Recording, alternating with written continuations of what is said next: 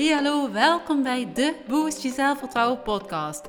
De podcast over hoe je je zelfvertrouwen kunt laten groeien, waarom zelfvertrouwen de basis is van een gelukkig en succesvol leven en hoe we er samen voor kunnen zorgen dat onze kinderen en jongeren met meer zelfvertrouwen kunnen opgroeien. Met deze podcast wil ik je inspireren om na te denken en mee te denken over het ontwikkelen van zelfvertrouwen. Ik ga je motiveren om ermee aan de slag te gaan en ik ga je tips geven om toe te passen in de dagelijkse praktijk. Boost je mindset, vergroot je zelfvertrouwen en ontdek wie jij echt bent. Want het vertrouwen in jezelf is je grootste kracht.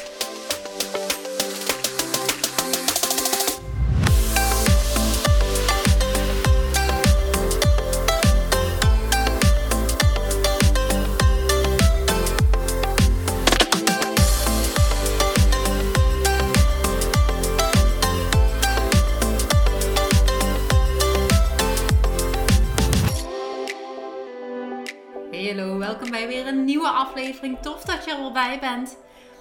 De volgende stap is meteen duidelijk als jij de titel leest. Help, alles zit tegen. Dit thema gaat over mislukkingen en tegenslagen. Helaas heeft geen enkel leven weg te denken. Maar als we jongeren leren om hiermee om te gaan, dan um, worden ze veel veerkrachtiger en, en kunnen ze er um, uh, kunnen ze het soms een plekje geven en kunnen ze weer verder met hun leven. Het leven zit niet altijd mee. Sterker nog, soms lijkt alles tegen te zitten. Ongeacht je leeftijd, je levensfase, het kan altijd tegenzitten. Er kunnen dingen gebeuren met jou of jouw leven, waardoor het voelt alsof alles tegen jou is. En dat jij wel wil, maar het niet lukt. Dat je lichaam niet kan wat je eigenlijk zou willen. En dat is de reden waarom we jongeren moeten leren om veerkrachtiger te zijn. Als jongeren veerkrachtiger zijn, kunnen ze beter omgaan met problemen en negatieve invloeden. En dan laten ze zich eh, niet zo snel uit het veld slaan door moeilijke situaties. Dan kunnen ze hun weg vinden ehm, in, onze samenleving en uh, zich positief ontwikkelen. En dat betekent niet dat er geen negativiteit mag zijn, want negativiteit is er altijd. Maar als we jongeren leren om hier goed mee om te gaan, dan ehm, maakt dat het leven gewoon wat makkelijker en wat positiever. Een tijdje geleden ehm, heb ik een leerling begeleid. Ik wil beginnen met een verhaal eh, dat mij heel erg aangegrepen heeft. Een meisje, ze zat destijds, als ik me niet vergis, op uh, twee leerjaar HAVO. En toen ik startte met de begeleiding, zat zij nog gewoon op school. En ze maakte hierbij een vriendelijke, intelligente indruk. Een vlotte meid die goed wilde presteren. En het graag voor iedereen goed wilde doen.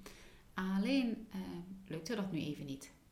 Ze geeft uh, op een moment aan dat ze niet lekker. Ze geeft, ja, ze geeft aan in het gesprek dat ze niet lekker in haar vel zit. Ze is erg op zoek naar zichzelf, naar haar eigen identiteit. En heeft sterk het gevoel dat haar ouders haar niet begrijpen. En we starten het begeleiding het nieuwe schooljaar, want dit was nog voor de zomervakantie het gesprek. Dus we starten in, in het nieuwe schooljaar, het derde leerjaar. Ehm, maar al snel blijkt dat het eigenlijk allemaal veel te veel voor is. En ondanks alle hulp ehm, wordt ze op een ochtend wakker en geeft ze bij haar ouders aan. Ze gaat naar de slaapkamer van haar ouders en geeft aan: ehm, Ik kan het niet meer. En wanneer ik dan langskom, want moeder had mij gebeld daarover. En wanneer ik dan eh, langskom, vertelt ze open en kwetsbaar haar verhaal. Ehm, ze komt dan eigenlijk heel rustig over. En kan ook heel duidelijk vertellen wat er in haar omgaat. En toch kan ze er niet helemaal de vinger op, op leggen waar het precies vandaan komt. Maar ze kan wel heel goed uitleggen wat ze voelt en, en hoe ze het ervaart.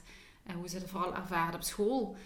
En um, ondanks haar rust is ze heel mat in haar gezichtsuitdrukking en mist ze die sprankeling in haar ogen. Ze geeft ook bij mij aan, ze kan het niet meer aan, ze, het, het lukt niet meer. En ze is nog maar 16 jaar, volledig uitgeput. En vanaf dat moment uh, thuis vanwege een burn-out, als ik het zo mag noemen zoekende, uh, ze heel erg zoekende naar wie ze is en wat ze met haar leven wil. En dit was de eerste keer dat tijdens mijn begeleidingsjaren dat ik dit zo heftig heb meegemaakt. En zeker op dat moment maakte dat mij heel veel indruk. Het moment dat ik met haar in gesprek was. En het haalde een heleboel vragen bij me op. Hoe kon het dat iemand op deze leeftijd, in de bloei van haar leven, zich zo voelde? Hoe kon het dat ze zich naar de buitenwereld uit als een spontane, vrolijke, enthousiaste meid, maar thuis aangaf dat het allemaal niet meer, dat ze het allemaal niet meer aankon? Vastlopend binnen het schoolsysteem. En nu? Ik begeleid dat moment meerdere leerlingen uit, uit haar lerenjaar, zelfs van dezelfde school. En zij stonden heel anders in het leven en ervaarden de wereld heel anders. En het enige dat er eigenlijk op dat moment speelde, was dat haar schoolresultaten heel erg tegenvielen. Omdat het haar gewoon niet lukte. Uh, en dat was echt van de een op de andere moment. Het lukte haar niet meer om die voldoende te halen, om zich te motiveren. Er was nog niet eens sprake van uh, ziekte, erge tegenslagen, verlies of wat dan ook. Dus dat zegt helemaal niets over uh, hoe iemand zich kan voelen. dus een, situatie kan of heel heftig zijn of wat minder heftig. Um, maar dat kan voor die persoon wel heel heftig voelen. Iedereen gaat er dus op zijn eigen manier uh, mee om. Iedereen gaat op zijn eigen manier om met tegenslagen. En waar de een zich heel snel uit het veld laat slaan, heeft de ander een grotere veerkracht. Um, even terugkomen op haar, op haar verhaal. Uh, ze zijn gaan zoeken naar een ander soort onderwijs, een ander soort school waar ze gestart is. En um, ja, dat was op dat moment de enige, de enige oplossing voor haar. Nou, jongeren als deze meid um, zijn er helaas steeds meer. Uh, overmatige stress leiden tot volledige uitputting. En wat een volwassen probleem was, hè, want eerst kwam dit alleen maar voor als, bij volwassenen, is inmiddels een verschijnsel, um, is dit een verschijnsel dat op jonge leeftijd al voorkomt. En jongeren worden geconfronteerd met een complexe samenleving en worden overladen met prikkels. Rustmomenten naar buiten gaan, bewegen, het wordt al snel uh, door nog meer prikkels uh, vervangen. Zoals social media, games, uh, dat soort dingen. Er wordt meer getoetst, er wordt meer getest. De prestatiedruk neemt toe.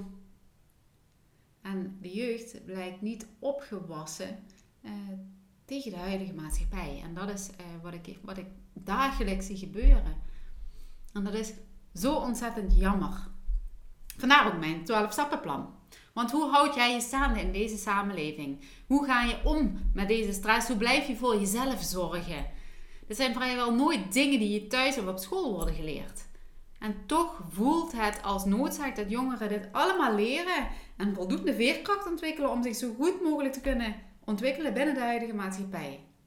Omgaan met mislukkingen en tegenslagen, die je ongetwijfeld zult tegenkomen in het leven, zijn daarom een belangrijk onderdeel in mijn stappenplan.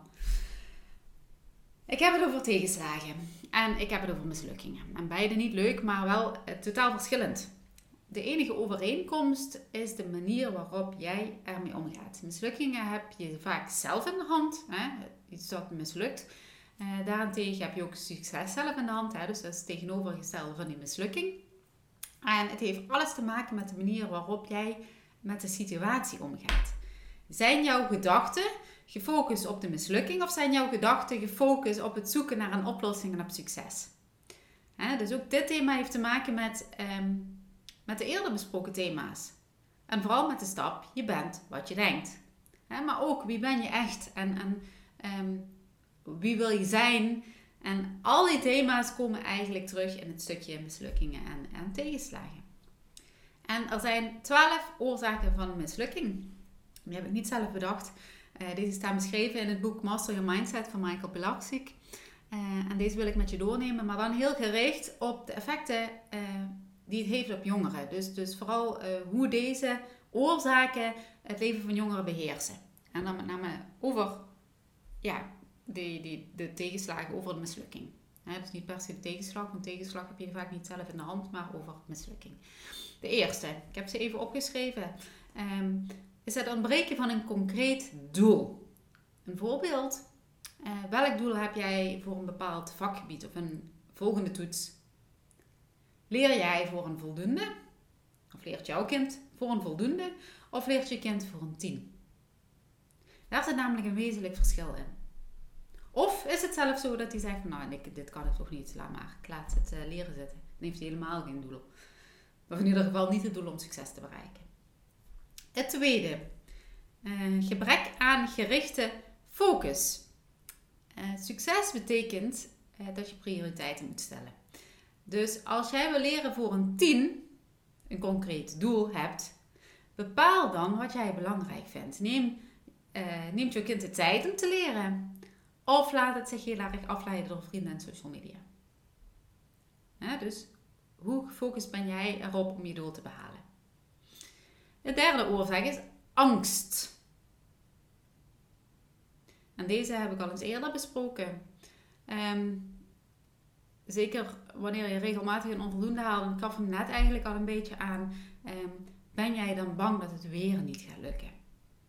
Of ga je met vertrouwen die toets in? Gaat jouw kind met vertrouwen die toets in? De vierde oorzaak. besluiteloosheid eh, en met name denk ik eh, bij jongeren uitstelgedrag. Uh, wacht jij met leren, wacht jouw kind met leren tot de laatste dag of besluit hij er volledig voor te gaan um, en, en begint op tijd en weet hoe die moet plannen? Dagelijks twijfelen of je wel wil gaan leren of iets anders de aandacht uh, vraagt. Dus uh, iets belangrijks om in je achterhoofd te houden is dat succesvolle mensen twijfelen zelden of nooit. De vijfde oorzaak. Een gebrek aan discipline. Iedereen wil graag een voldoende halen, toch? We willen het allemaal. Elke jongere wil een voldoende halen. Maar wil daar vooral niets voor doen. En zien ook vaak de mensen, ja, die leert niet en haalt toch een voldoende. Als jij opgeeft voordat jij je doel bereikt hebt, dan slaag je nooit. En daarmee ehm, wil ik jongeren leren dat ze niet moeten opgeven.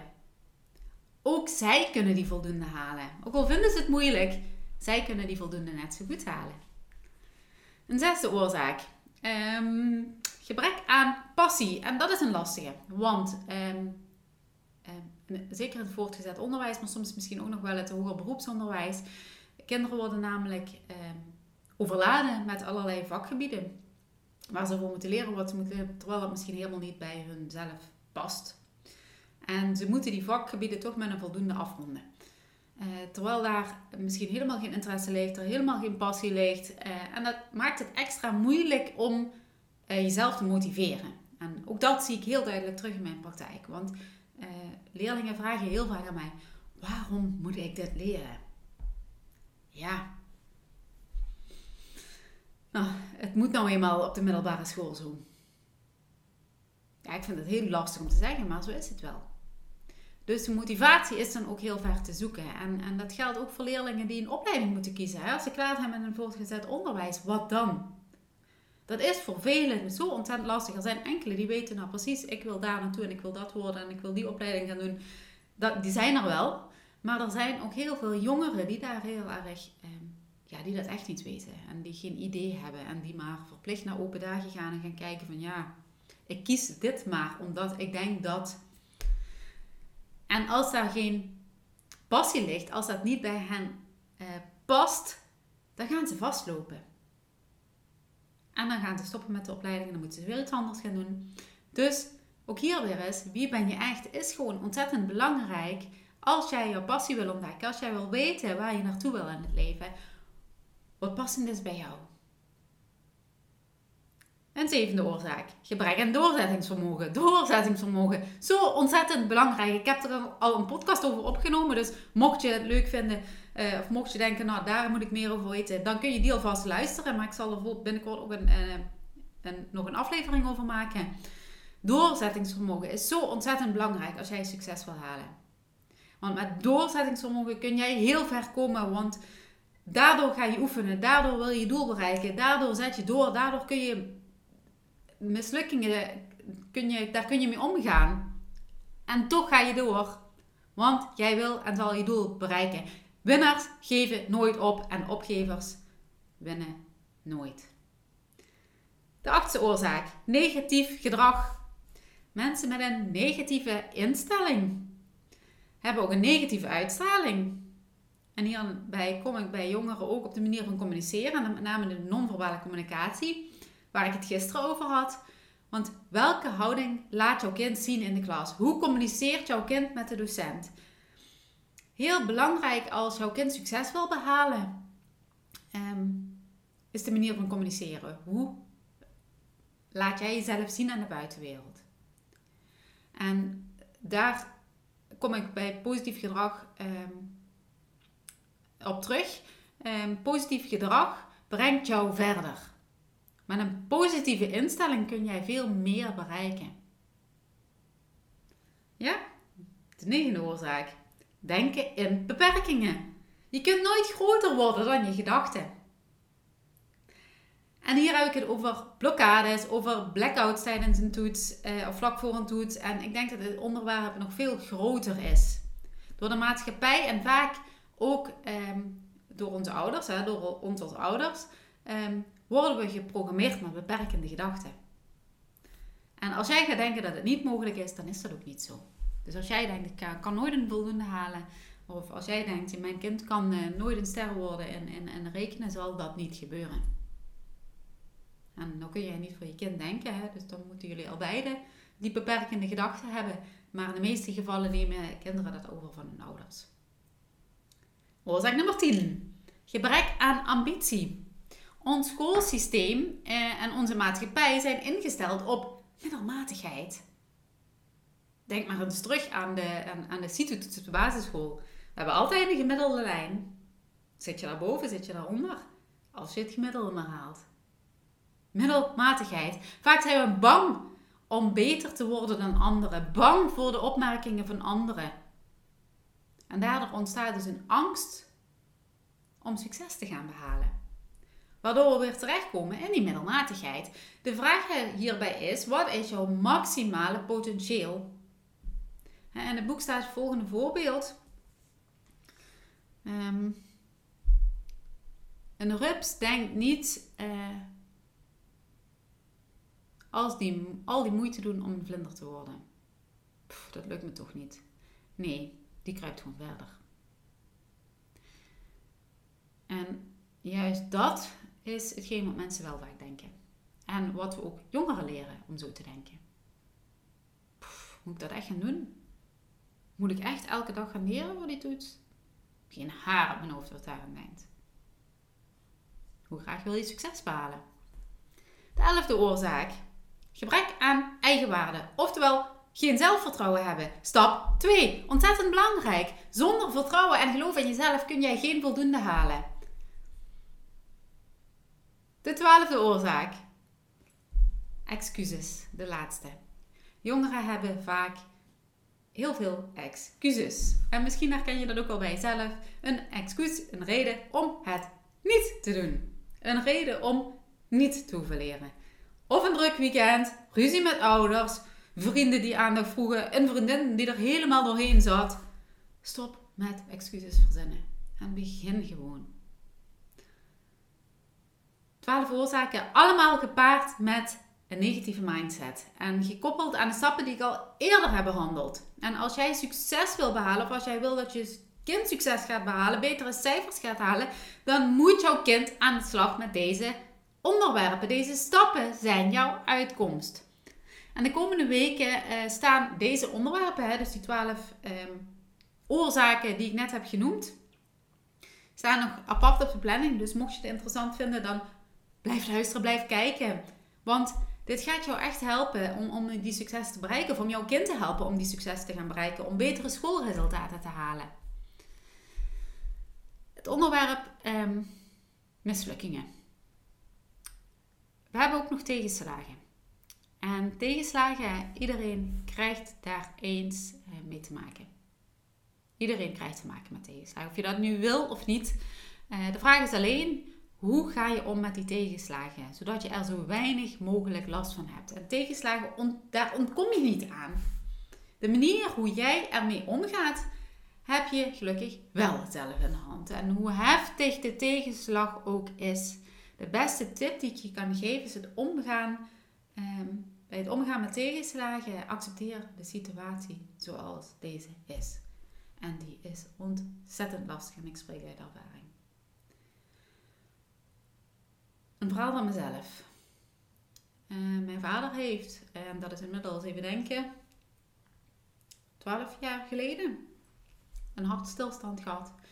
Uh, op hele jonge leeftijd, hij was uh, 54. Uh, hij heeft het overleefd, maar is nooit meer zichzelf geworden. Fysiek ging hij van niets meer kunnen naar um, ging hij heel, heel goed vooruit, maar mentaal laat hij nog steeds heel veel steken vallen. En um, kort gezegd, hij heeft nu een, ja, zo noemen ze dat, niet aangeboren hersenletsel. Door ja, een stukje zuurstoftekort in de hersenen op het moment dat het hart stil liep. En ook al waren we daar direct bij, is er direct actie op gekomen. Um, heeft dit uh, een heel groot effect gehad. Op hemzelf, maar ook op ons als gezin. Uh, en ik was toen nog relatief jong en ik had eigenlijk nog heel hard uh, mijn vader nodig. En buiten het feit dat hij een hartstilstand kreeg, ontstonden er ook problemen thuis. Omdat hij geen geld meer kon verdienen. En hij was, mijn moeder werkte niet, hij had een eigen bedrijf. waarvan we eerst nog gehoopt hadden dat... Um, dat hij daar weer in kon terugkeren. Dus we hebben dat, dat bedrijf staande gehouden. Maar uh, al heel snel bleek dat dat, uh, dat, dat niet meer kon. Uh, dus financiële problemen waren het gevolg. En ja, noem maar op. Ik ga verder niet in detail treden. Um, en ik weet nog dat heel veel mensen tegen mij zeiden. En ik zat daar echt doorheen. Het was wel echt een heftige periode. En heel veel mensen zeiden tegen mij. Ja, situatie is zoals die is. Dan moet je maar mee dealen. Ik vond dat zo ontzettend hard om te horen op dat moment. Hoe kom ik daar nou mee dealen? Waarom was ik degene die dit moest meemaken? En dan was er ook nog een groep mensen die vonden me vooral heel zielig. En eh, dat merkte ik heel sterk aan eh, dat ze me wel zagen in een supermarkt, maar dat ze even een ander gangpad namen, omdat ze het gesprek niet met me aan wilden gaan. En um, als jong meisje was dat, was dat, was dat heftig. En beide kanten, ja, daar kun je iets van zeggen, daar kun je iets van vinden. Ja, dus of die groep die zegt tegen je van, nou ja goed, accepteer de situatie maar zoals die is. Of de groep die je uit de weg gaat. Beide is heel lastig. En um, ik heb daar toch achteraf gezien onwijs veel van geleerd. Het is misschien, ik zeg niet dat het goed is geweest dat dit gebeurd is, maar het heeft mij wel heel snel volwassen gemaakt. En het heeft mij heel veel dingen geleerd over hoe mensen in elkaar zitten, uh, hoe ik zelf als persoon ben. En, en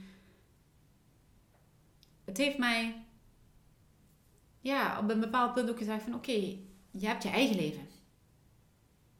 Ga verder. En gelukkig heb ik dat gedaan. En dat heeft heel lang de tijd nodig gehad, maar uiteindelijk ben ik dat gaan doen. En ben ik eigenlijk gaan zien dat de reactie van mensen, dat de, de boodschap die mensen mij gaven, dus accepteren de situatie zoals die is, de beste uh, tip is geweest die ik had kunnen krijgen. En op dat moment, nogmaals, voel je die niet, wil je die niet horen, maar het is wel de beste tip die ik dus ook jou kan meegeven. Want um, alleen dan kun je de situatie een plekje geven. Kun je de situatie accepteren? Kun je verder met je leven? Ga je zoeken wat wel mogelijk is? Een tegenslag ligt vaak buiten jouw macht. Hè? Ik kon er niks aan doen dat dit gebeurde. Ik had het ook niet kunnen voorkomen. Het was zoals het was. Ik kon er niets aan doen. Dus het lag volledig buiten mijn macht. Maar acceptatie. Het was toch zoals het was. Ik kon het niet veranderen. Ga het accepteren. Acceptatie biedt ruimte voor oplossingen, voor mogelijkheden en rust. Dus mocht jij een probleem hebben, mocht jouw kind een probleem hebben, mocht er iets zijn in je leven waar je echt niet aan kan veranderen, accepteer de situatie. En ga weer kijken naar mogelijkheden. Een lange vandaag, maar dat was hem. Laten we jongeren leren hoe ze met tegenslagen en mislukkingen moeten omgaan. Want ze gaan, ze krijgen, ze gaan ze tegenkomen. En door dit te leren, ehm, worden ze veerkrachtiger. Dan laten ze zich niet meer zo uit het veld slaan door die moeilijke situaties. Dan kunnen ze een weg sneller vinden en zich weer positief ontwikkelen. Bedankt voor het kijken. Bedankt voor het luisteren. Mocht je deze aflevering interessant hebben gevonden of mocht je iemand weten die er iets aan kan hebben, dan deel hem gerust. Daarnaast vind ik het super tof om te weten wie ik help met mijn verhaal. Dus maak een screenshot, tag me op Instagram of in je stories of in je feed. Daarmee inspireer jij anderen om met zelfvertrouwen aan de slag te gaan. Om weer successen te behalen. Om betere schoolresultaten te halen. Of om jouw kind betere schoolresultaten te gaan laten halen. Voor alle gratis informatie die ik je geef, zou ik het super tof vinden als je één klein dingetje terug zou willen doen. Laat een review achter onder deze aflevering. Want hoe meer reviews, hoe meer mensen ik kan bereiken met mijn boodschap en met mijn missie. Super dankjewel alvast. Een hele fijne dag vandaag. En tot morgen.